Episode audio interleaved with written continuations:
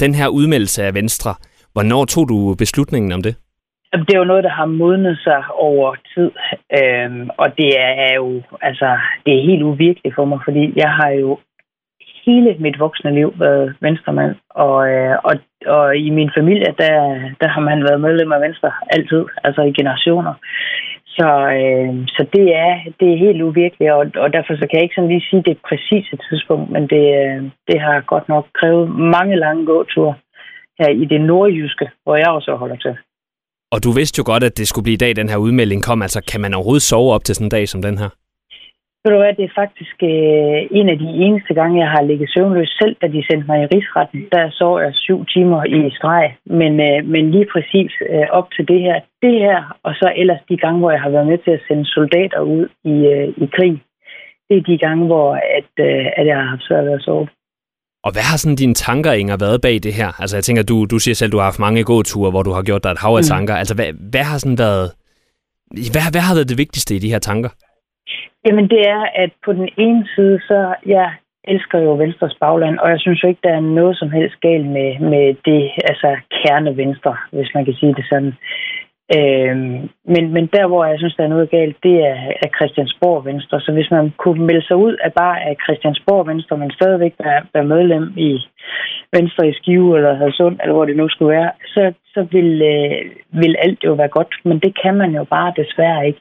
Og det, jeg synes, der er problemet, det er, at jeg synes, at Christiansborg Venstre ligesom har fjernet sig for langt fra den helt almindelige hverdag, og det som alle vi helt almindelige mennesker går og, og bøvler med. Ved du hvad, for eksempel så brugte man jo uger på at diskutere alt det her uh, MeToo, og det var jo mens, at, at coronaen øh, uh, havede, og at øh, uh, produktions virksomheder havde svært ved at få, få tingene til at, at fungere, og uh, landbruget bliver pålagt flere og flere byrder, og så sidder man derovre og diskuterer sådan nogle, nogle ting.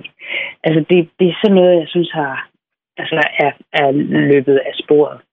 Og en af de udtalelser, jeg var ret interesseret i, øh, som du også har udtalt, det er det her med, at Venstre også er på vej væk, rent værdimæssigt, fra det, du står for. På, på hvilken ja. måde øh, gør det sig gældende?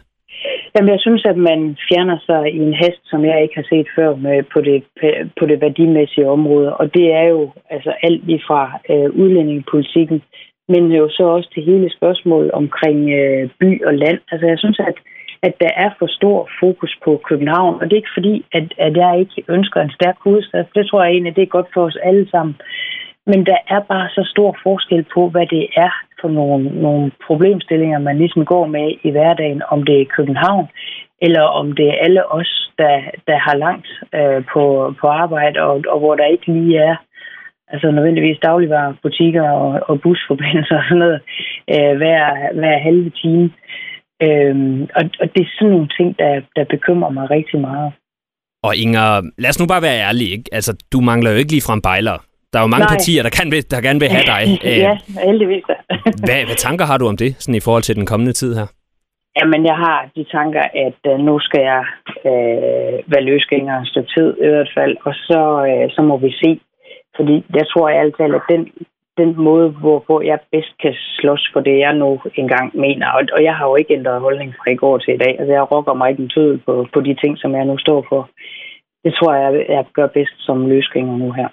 Og det er vel også noget med, når man har været i et meget langt forhold. Det kender mange nok også. Så når det går i stykker, man, man skal lige have lidt tid, ikke? Jo, jeg, jeg er i hvert fald ikke typen, der så skal ud og løbe hurtigt af mig. det kan jeg love. det skal jeg ikke. Jeg, jeg skal have noget ro. Og du... så er der, ligger der jo en rigsretssag og lurer lige foran mig også, selvfølgelig. Ja. Inger Støjberg, tusind tak. Selv tak.